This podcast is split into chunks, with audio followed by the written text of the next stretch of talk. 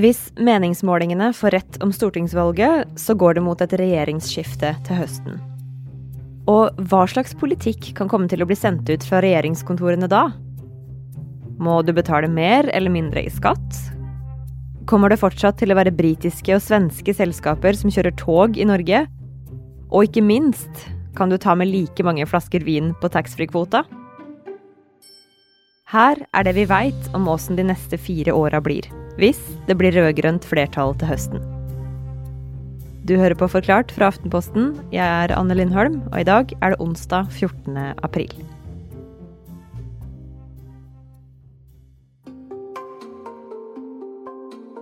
På snittet av meningsmålingene så er det fortsatt Høyre som er Norges største parti.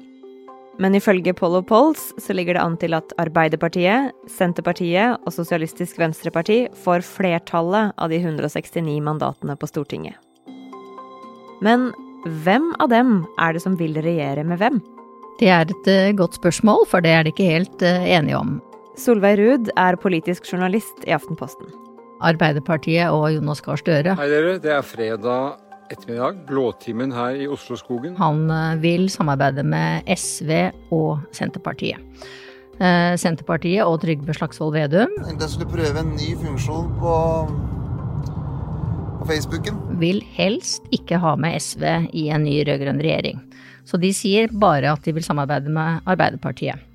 Og Lysbakken. Et ønske om å fjerne dagens regjering. Og SV, de eh, har egentlig åpna for et eh, videre samarbeid, uten at de har nødvendigvis sagt at alle partiene skal i regjering. Men Lysbakken har nevnt at han eh, vil ha et samarbeid både med Arbeiderpartiet, Senterpartiet, Rødt og MDG.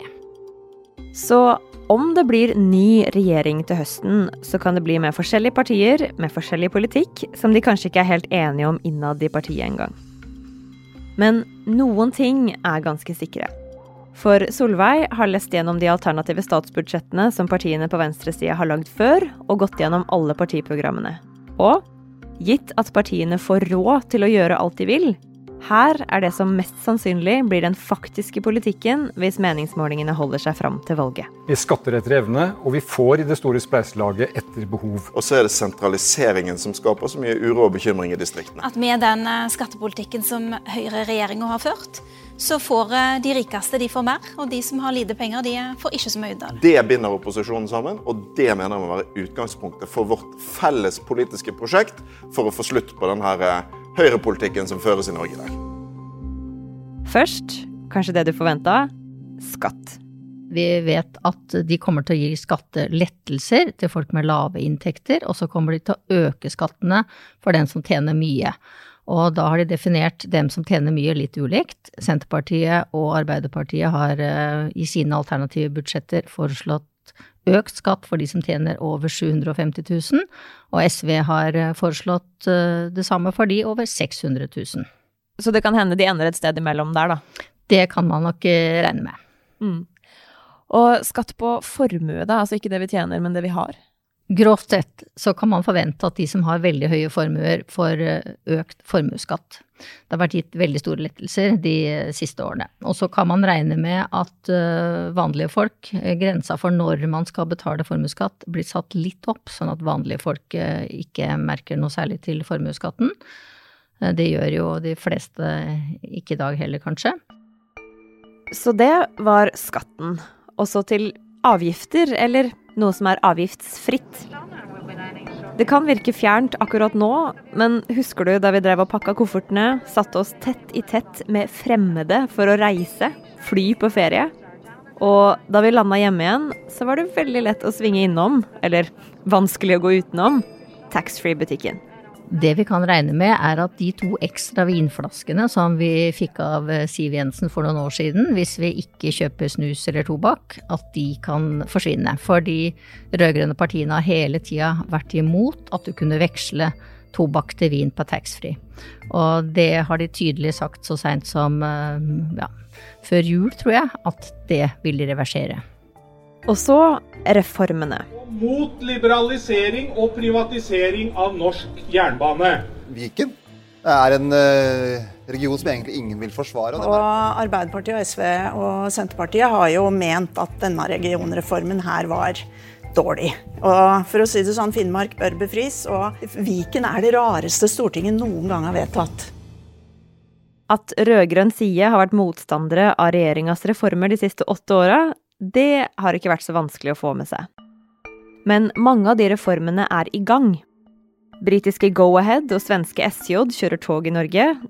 428 kommuner har allerede blitt til 381, og Troms og Finnmark er ett fylke. Så hvor mye av reformene går det egentlig an å gjøre noe med for en eventuell ny regjering? Utgangspunktet for når man skal uh, gjøre om reformer, er koster det mye å endre dem? Er det avtaler som må brytes?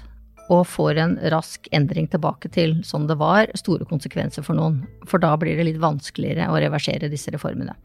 Uh, de eh, tre partiene har tydelig sagt at de vil endre den ordningen som heter fritt behandlingsvalg. Eh, den har gjort at man kunne mm, velge godkjente private sykehus på den offentliges regning, hvis man på en måte var eh, inne i systemet og skulle ha en behandling. Det kommer nok til å ende med fritt valg mellom offentlige sykehus. Så har du jernbanereformen, en veldig stor reform som inneholder alt fra Eh, oppsplitting av selskaper til konkurranseutsetting. Der har de sagt at de vil reversere det de kan.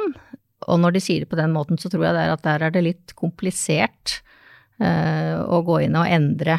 Men der har de veldig stor vilje, så det, det, kommer nok til å bli noen endringer. Og så har vi regionreformen, der man fikk uh, Troms og Finnmark som et nytt fylke, og Viken.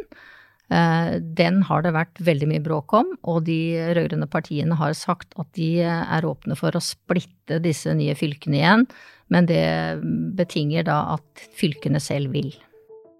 Så mer i skatt for de som tjener en del, litt mindre taxfree og reversering av de reformene som kan reverseres.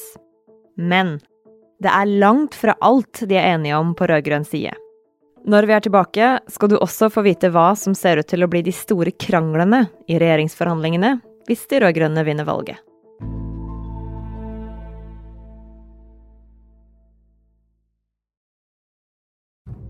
En tredje ting som partiene på rød-grønn side er enige om, handler om jobb, og særlig midlertidighet. For arbeidsmiljøloven har fått seg en liten overhaling under regjeringa som sitter nå. Den borgerlige regjeringen eh, som vi nå har hatt i snart eh, åtte år, eh, den gjorde omfattende endringer i arbeidsmiljøloven som fikk virkning fra 2015. Det var veldig mye bråk om den saken. En av de temaene i endringen som har vært kanskje mest omdiskutert, var det at det gjorde det lettere å ansette folk midlertidig. Og det har de rød-grønne partiene hele tida vært imot, og hele tida sagt at de skal endre om de kommer i regjering. Partiene på borgerlig side mener midlertidige stillinger og vikariater er en god måte å få unge inn i arbeidslivet på. De på rød-grønn side frykter at det betyr at det bare tar lengre tid før folk får fast jobb. Så Enigheten blant partiene på rød-grønn side om skatt, reversering av reformer og arbeidsliv kan føre til at det blir en del endringer de neste fire åra hvis de vinner valget. Men det finnes så klart mye uenighet også. Og her er klima og miljø høyt oppe på lista. Og uenigheten dreier seg først og fremst om to ting. Oljepolitikken og klimaavgifter. Eh, SV er det partiet av de tre som vil eh, legge størst begrensninger på olje og gass framover. Ende opp i utbytte til aksjonærene i oljeselskapene. Vi burde ikke gi den type direkte støtte til oljeselskapene. Vi burde istedenfor føre en mye mer aktiv industripolitikk. Og så er de ganske uenige om f.eks. CO2-avgift og avgift på drivstoff generelt. Der har Senterpartiet de siste årene brukt veldig mye energi på å fremstille seg som eh, bilistenes parti, i hvert fall i distriktene. Du må ikke straffe folk som er avhengig av bil hver eneste dag. Jeg tror ikke at folk kjører så veldig mye mer bil. Eh, og det er veldig vanskelig å se for seg at Senterpartiet kan være med på noen store avgiftsøkninger. Mens eh, SV og Ap har vært med på i klimameldinga nå i Stortinget å gå inn for en sterk økning i CO2-avgiften. Mm. Så der kommer det til å bli mye krangling da, hvis det blir regjeringsforhandlinger mellom disse tre? Der blir det nok en del eh, vanskelig tautrekking. Men det er jo også andre temaer vi antagelig kommer til å høre en del krangling om, da, hvis det blir de rød-grønne som skal forhandle om en ny regjeringsplattform. Et av de store der er abort og bioteknologi. Hva er det de er uenige om der? Generelt så kan man si at Senterpartiet har et mer eh, restriktivt syn på eh, bioteknologi og abortloven enn Arbeiderpartiet og SV. Eh, så skal det sies at Stortinget har ganske nylig endra bioteknologiloven, sånn at den uenigheten kan de legge død en stund, fordi flertallet har på en måte sagt sitt. Abort kan nok være verre.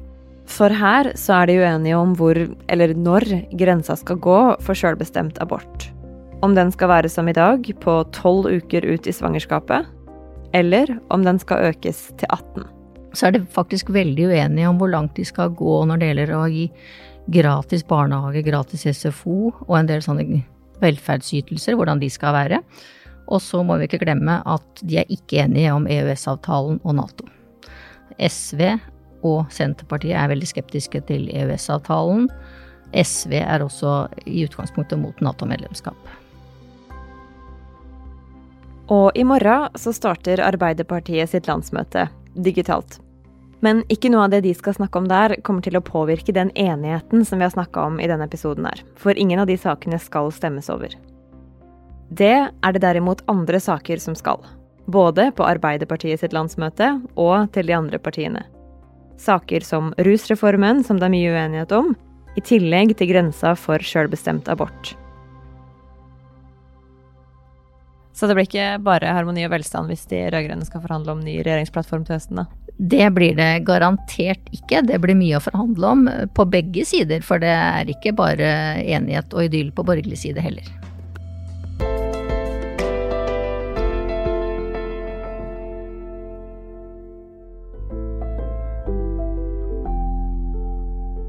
Denne episoden her er lagd av produsent David Vekoni og meg, Anne Lindholm. Resten av Forklart er Marit Eriksdatter Gjelland, Caroline Fossland, Fride Næss Nonstad og Ina Swann. Du hørte lyd fra NRK og jernbanereformen.no.